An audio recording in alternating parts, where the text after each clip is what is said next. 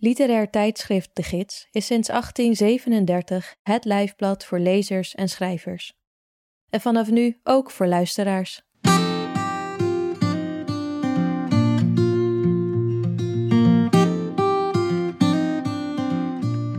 Je luistert naar Sprekende Letteren, een podcast met verhalen, essays en poëzie uit de gids, voorgelezen door de schrijver of dichter zelf.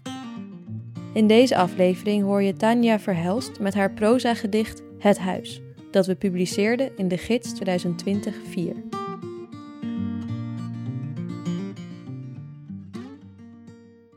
Het huis. En toen werd het huis onbewoonbaar. Tenminste, toch voor mensen. Wat geen mens was, veerde op. De borden op het schap, roerloos gestapeld alsof ze het voor altijd met elkaar eens waren, de vrouwentongen op de vensterbank, lonkend naar iets anders dan gordijnen, misschien naar de wasknijpers, buiten als voelhorens op een lijn geprikt, of naar de gipsen beelden, haveloos tussen cipressen geplant, versterkt in een beweging van op het punt staan iets te willen zeggen, maar niet goed weten wat. Als het huis onbewoonbaar werd, was het niet omdat iets ten einde liep, maar omdat iets anders begon. IJzer werd roest, koper, patina, groen, mos. Waar het huis stond, stond vroeger een ander huis, en voor dat ander weer een ander. Een schuur, een pand, een hut, een greppel, een terp, een gat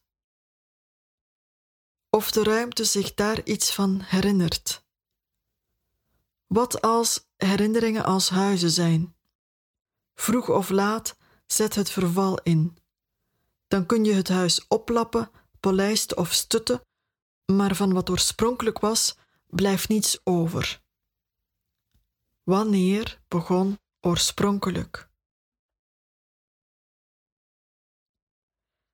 Het huis stak strak en zwart af tegen de lucht en altijd stond er wind.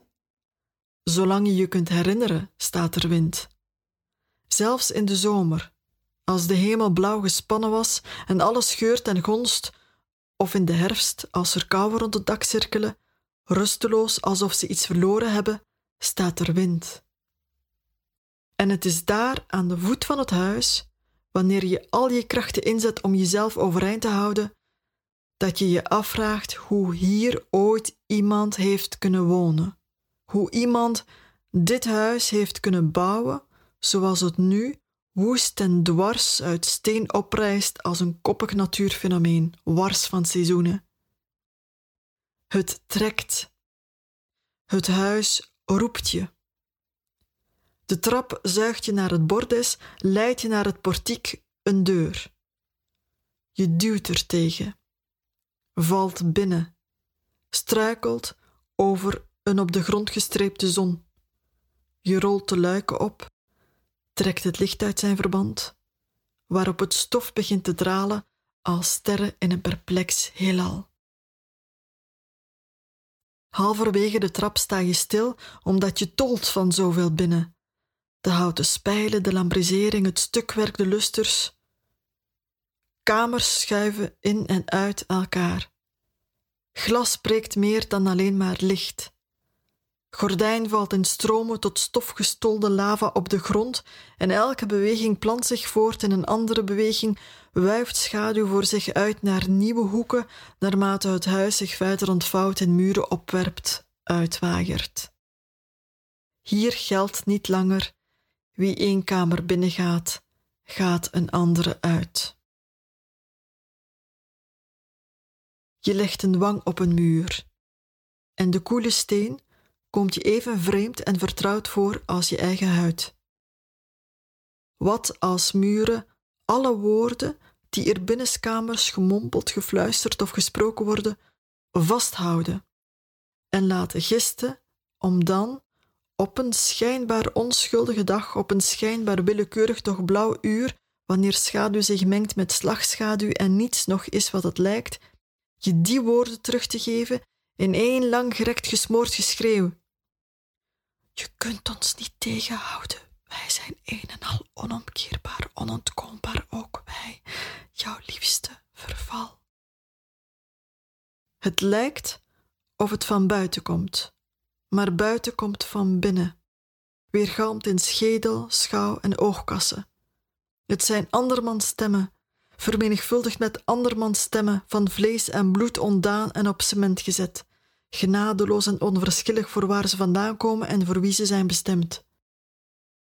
Het huis heeft lak aan oorsprong, lak aan bestemming, zoals het ook lak heeft aan zijn bewoners.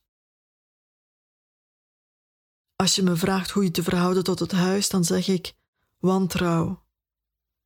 De deur is een leugen en de kelder geheim.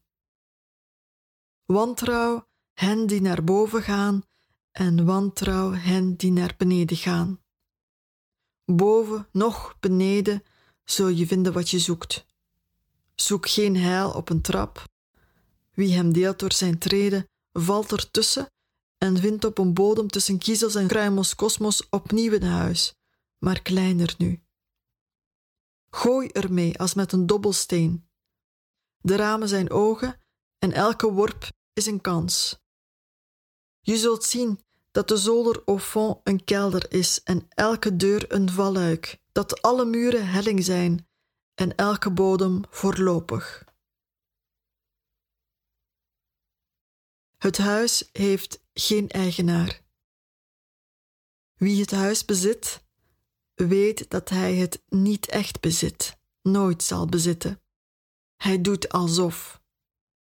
Voor wie lang genoeg doet alsof, gaat alsof vanzelf. Er zijn luchtkastelen gerezen uit alsof. Landerijen en wereldwonderen zijn gestoffeerd met alsof. Je hebt er geen paspoort voor nodig en je laat er geen sporen na. Misschien hebben wij te lang in namen geloofd, te lang een naam een gezicht gegeven, waarop wij verwaand werden en het huis kapsones kreeg.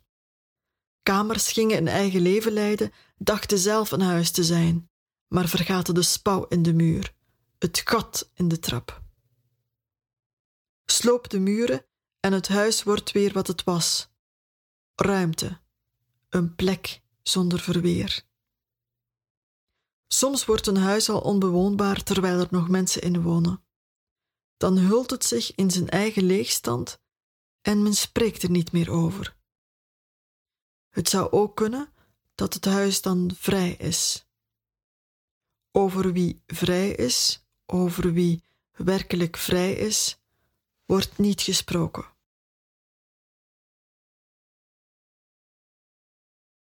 Later wordt het huis bezocht door dieren zonder naam en wars van soort, dieren die nooit geworden en altijd aan de keerzijde van de nacht zijn gebleven. Waar ze eerst versteend in kroonlijsten zaten, dolen ze nu rond of verzamelen zich op de dakrand en proberen vleugels uit. Cirkelvormige bewegingen vanuit het schouderblad. Plié, relevé, dans. Ze wachten zonder te weten waarop. Maar eens het zover is, slaan ze toe. Dat heet instinct. Misschien voel je hen kijken, voel je hen vliegen terwijl jij door het huis dwaalt dat binnen groter lijkt te zijn dan je buiten voor mogelijk hield. Opnieuw een stem nu, gevolgd door andere stemmen, die een web van ruis weven, het huis ermee inpakken en elke ruimte van haar stilte ontdoen. Het komt niet van de beelden, noch van de stokrozen die al je stappen met hun koppen volgen, of van de klimop die het huis omarmt en dreigt te verstikken. Het komt van boven. Al wat ondraaglijk is, komt altijd van boven. Het boven dat zich voor even binnenste buiten heeft gekeerd in deze bedrieglijke koesterende vorm van een huis. Wat als het huis een blauwdruk is van iets anders, een onmogelijk ding dat zich niet in een naam laat vangen, noch in deze verblindende folie van vier dimensies. Gooi nog een keer. Nu ligt het huis met de deur naar boven en een raam op de grond. Je kunt niet meer naar binnen gaan en je kunt niet meer naar buiten kijken. Als je het raam opendoet, gaapt er aarde naar binnen. Wormen schuiven aan en delen brood. De staande klok is gaan liggen. En uit het stukwerk van het plafond groeien stokrozen, vergroeid licht met luster. Buiten buigen beelden. Hun gewaden, stijf gevouwen om tot een eeuwigheid te vallen, barsten zodra hun knieën de grond raken. Met gebroken vingers deppen ze je slapen, kloppen je wakker.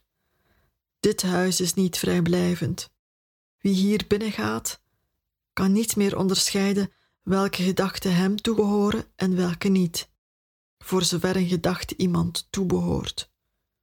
Wie hier blijft, verkommert onder behangpapier, dijt in kringen onder bloemen uit en zijn adem stokt, lost in stokrozen op.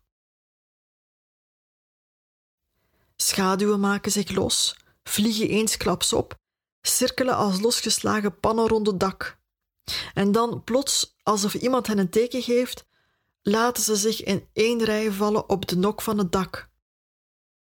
Het is de enige plek van het huis waar hun lichaam als een sluitstuk past. Alle vluchtlijnen verdwijnen links en rechts in het punt onder hun oksels. Zodra zij hun vleugels uitslaan, slaan zij het huis uit, zet het verval in. Je merkt het nauwelijks. Hooguit strijk je vaag met een hand over een muur, boog je de breuklijnen van kalk te ontcijferen, leg je een vinger op een mond als op een wond, wanneer je het verreweg hoort krijsen. Je kunt ons niet tegenhouden. Wij zijn een en al totaal en onomkeerbaar. Onontkoombaar ook. Wij, jouw liefste verval.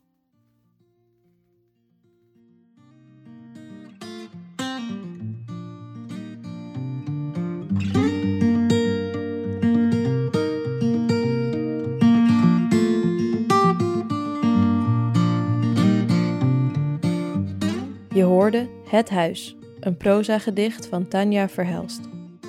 Tanja Verhelst tekent en schrijft. In 2018 werd ze stadsdichter van Brugge en in 2019 werd ze geselecteerd als beloftevolle niet gedebuteerde dichter voor het poëzieprogramma Vers van het Mes. Haar poëziedebuut, Twee Helften, is net verschenen. Wil je dit proza-gedicht lezen? Dat kan. Alle bijdragen die je in sprekende letteren hoort zijn terug te vinden op onze website www.de-gids.nl. Wat je ook kunt doen op die website is een abonnement nemen op de gids. Vanaf 20 euro per jaar ben je al abonnee en steun je de Nederlandstalige letteren.